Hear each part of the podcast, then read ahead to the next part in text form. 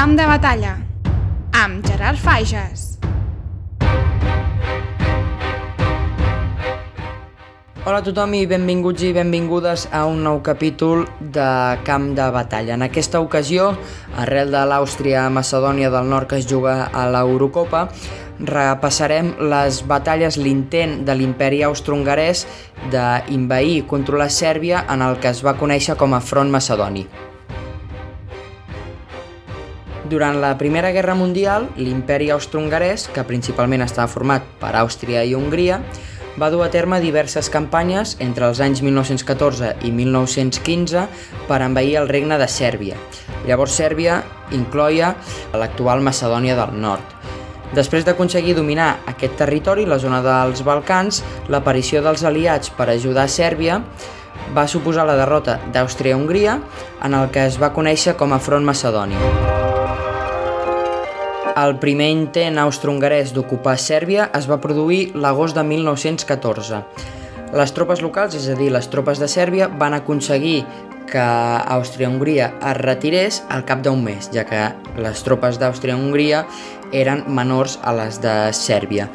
A la vegada, aquesta victòria de Sèrbia va fer va desembocar en una contraofensiva cap a les actuals Croàcia i Bòsnia-Herzegovina, que llavors estaven sota el domini de l'imperi austro-hongarès, i també a la vegada l'imperi austro-hongarès va poder eh, ocupar la capital de Sèrbia al mes de novembre, però al desembre d'aquell 1914, és a dir, un mes després, Belgrat va tornar a les mans de Sèrbia. El 1915, un any després, Bulgària es va aliar amb Alemanya i Àustria-Hongria fet que va permetre que al gener de 1916 Sèrbia i gairebé tota la zona dels Balcans, incloent Macedònia, quedessin sota el control de l'imperi austro-hongarès. Davant l'atac dels imperis austro-hongarès i alemany el 1915, les principals forces aliades, és a dir, França, el Regne Unit i Itàlia, van acudir a ajudar a Sèrbia. Per què ho van fer? Doncs principalment perquè aquests tres països eren els que lliuraven la Primera Guerra Mundial contra els imperis alemany i l'imperi austro-hongarès, que eren aliats.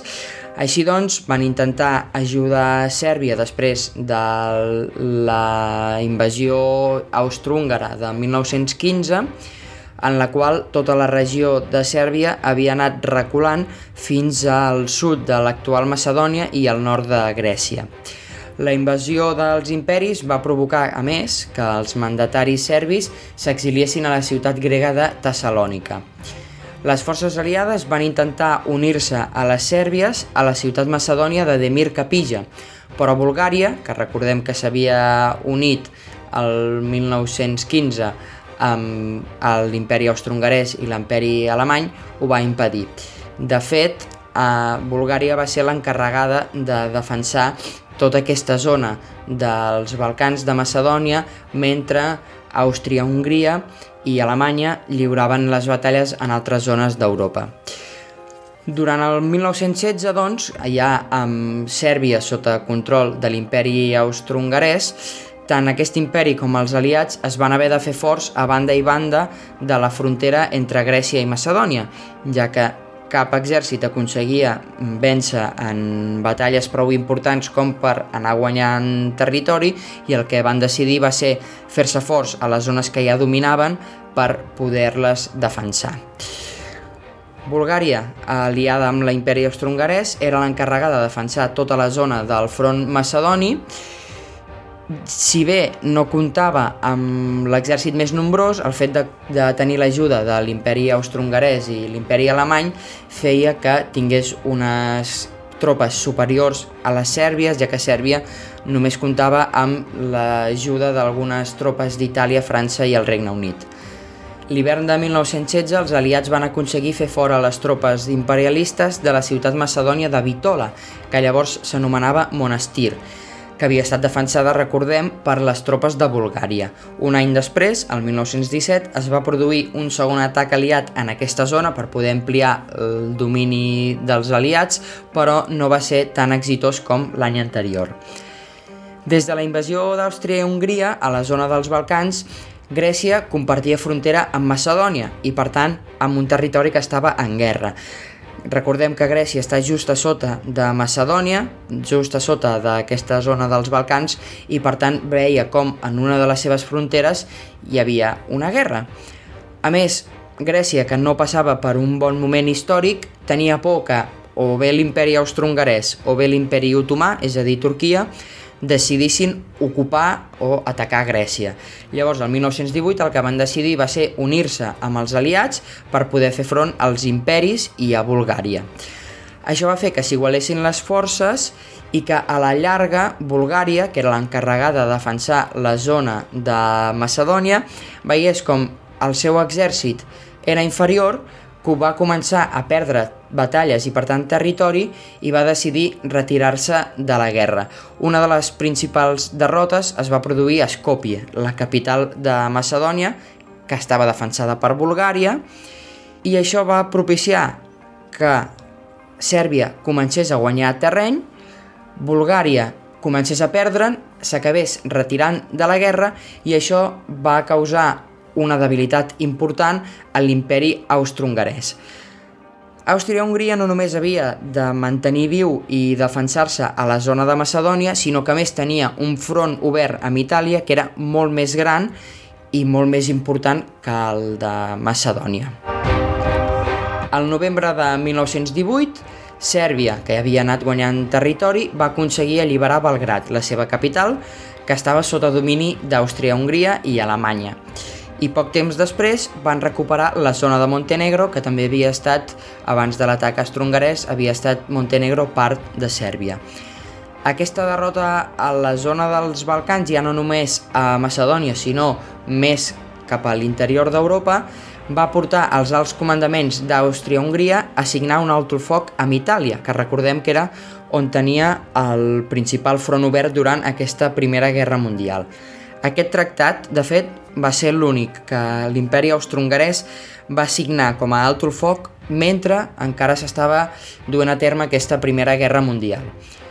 Aquest alt foc, sumat amb la derrota al front macedoni i a tota la zona dels Balcans, va acabar per matar un imperi austro-hongarès que ja estava agonitzant, ja estava en les últimes, tant a la part austríaca com a la hongaresa. La part austríaca estava molt debilitada, principalment per la seva lluita amb Itàlia i a la part hongaresa veien com la derrota de la Primera Guerra Mundial seria gairebé imminent i començaven a veure amb bons ulls separar-se de l'imperi austro-hongarès, és a dir, separar-se d'Àustria abans que la derrota fos extremadament més gran. La pèrdua del territori que Àustria-Hongria havia ocupat a Sèrbia i sobretot el Tractat de Pau amb Itàlia, que hem dit que va ser l'únic que va signar durant la Primera Guerra Mundial va acabar desembocant a la llarga en el final d'aquesta primera gran guerra i per tant també amb el final de l'imperi austro-hongarès que es va dissoldre després dels tractats de pau de final de la Primera Guerra Mundial. La dissolució de l'imperi austro-hongarès va resultar amb el naixement de països com Àustria-Hongria i Txecoslovàquia, que més tard va acabar sent la República Txeca i Eslovàquia, i Iugoslàvia, que era tota la unió dels països balcànics i que al final als anys 90 es van acabar independitzant en Sèrbia, Montenegro, Macedònia, eh, Croàcia, Bòsnia-Herzegovina. Àustria, després de dissoldre's l'imperi, la família que havia estat regnant, la dinastia dels Habsburg, es va eh, exiliar i lligat una cosa amb l'altra va, va acabar resultant en Àustria com un país independent, independent en forma de república. Per la seva banda, Macedònia va formar part del regne de Sèrbia i posteriorment de Iugoslàvia fins que va aconseguir independitzar-se'n el 1991. Però llavors es va iniciar una disputa amb Grècia, que no acceptava el nom de República de Macedònia. El fet és que Macedònia no fa referència només al país, sinó a una zona bastant extensa que ocupa el país de Macedònia i part de Grècia. Grècia no veia amb bons ulls que la República de Macedònia tingués aquest nom perquè podia crear una confusió en, entre el país i la regió, així que suposava aquesta primera denominació. El 1993 es va arribar a un acord internacional perquè s'anomenés Macedònia de manera provisional com a antiga república Iugoslàvia de Macedònia, una provisionalitat que va durar fins al 2019. Llavors, ja amb Grècia a favor, es va acceptar l'actual nom de República de Macedònia del Nord.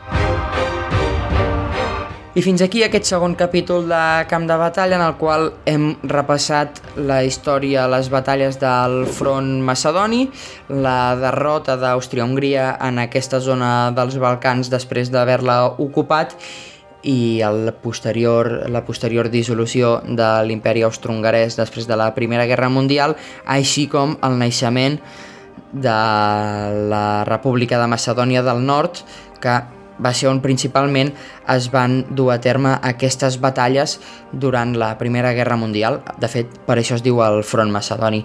Moltes gràcies a tots per escoltar-me. Ens seguim escoltant en els següents capítols de Camp de Batalla.